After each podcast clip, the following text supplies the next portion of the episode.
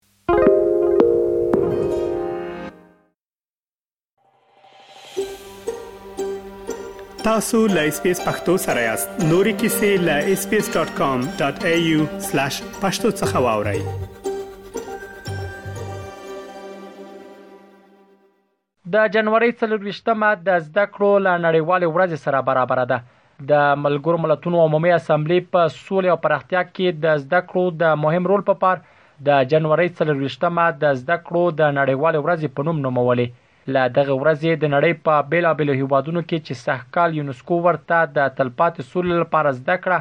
تر نامه لاندې شعار ورکړی لمانځل کېږي خو په افغانستان کې دا دویم کال دی چې دغه ورځ په داسې حال کې راځي چې له اتو سوو زیاتې ورځې وشوې چې له شپږم ټولګي پورته د نجونو زده کوونکو پر مخ د ښوونځیو دروازې تړل شوي او درې سوه پنځه شپېته ورځې کېږي نجونې نه پرېښودل کېږي چې پوهنتونونو ته لاړې شي. که څه هم په افغانستان کې د طالبانو له بیا ځلې واکمنۍ وروسته طالب چارواکو په وار وار ویلي په داسې طرحې کار کوي چې له مخې یې نجونو ته اجازه ورکړل شي چې د اسلامي شرایطو په پام کې نیولو سره ښوونځیو او پوهنتونونو کې خپلو زده کړو ته دوام ورکړي، سمینا چې دوم صنف زده کوونکې ده وايي، خپل راتلونکي ته اندېښمنه ده او له نیمګړو هیلو سره د یوې نامعلومې راتلونکې سره مخ ده. هغې له ایسبیس راډیو سره په خبرو کې وویل، د دې په شمول ډېری زده کوونکې نجونې چې د یو نامعلوم برخلیک له امله په کور ناستې دي، له بېلابېلو روانیو ناروغیو څخه کړېږي. ثمینه د طالبانو له حکومت څخه غواړي چې د نجونو پر مخ د ښوونځیو او پوهنتونونو دروازې پرانیزي او دوی دی له تیارو څخه راوباسي. د اته سوه څخه زیاتې ورځې کیږي چې زموږ پر مخ د ښوونځیو او همدارنګه د یو کال راهیسې د پوهنتونونو دروازې تړل شوې دي. زما په شمول زیاتره نجونې چې په کورونو کې اوس ناستې بې سرنوشته راتلونکې ته په دې فکر کې دي چې څه به کیږي د رواني تکلیفونو سره مخ دي. او د خپل ژوند بار په سیر باندې د هر ورځ تیروي او هیڅ پای ته نه لګي چې موږ به تر کومه او تر څه وخت پورې به دا حالات زغمو نو د مسولو چارواکو سم هله ده چې دغه د خنځي باندې دروازې د پهنتونونو باندې دروازې په عموم کې ټول د زده کړې دروازې چې د انجونو پر مخ باندې تړل شوې دي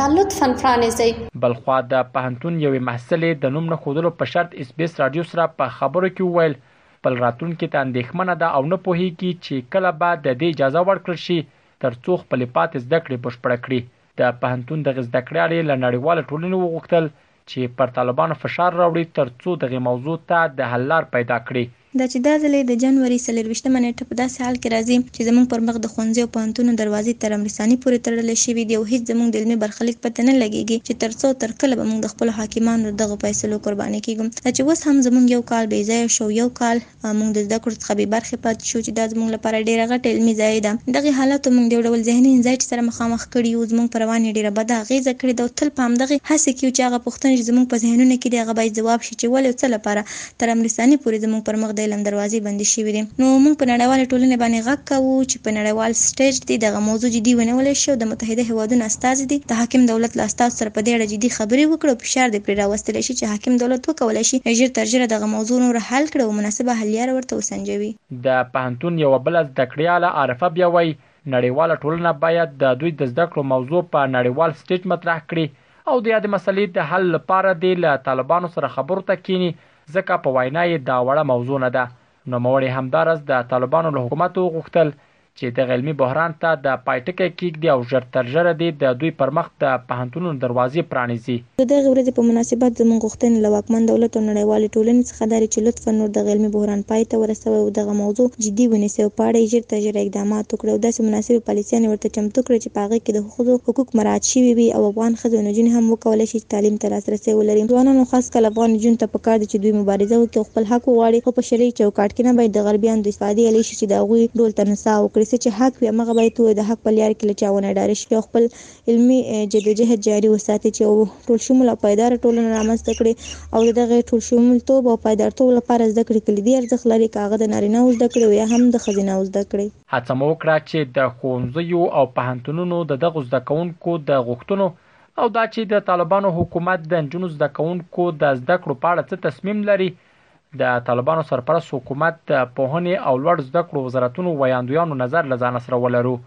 خو له پرله پسې هڅو سره سره بریالي نه شوو. افغانستان د نړۍ پر مخ یوازنی هېواد دی چې نجونې او ښځې پکې له ثانوي او پوهنتوني زده کړو راګرځول شوې دي، نړیواله ټولنه په سر کې ملګري ملتونه، د بشري حقونو د دفاع بنسټونه او بېلابېلو هیوادونو په وار وار له طالبانو غوښتي چې نجونو ته د زده کړو اجازه ورکړي،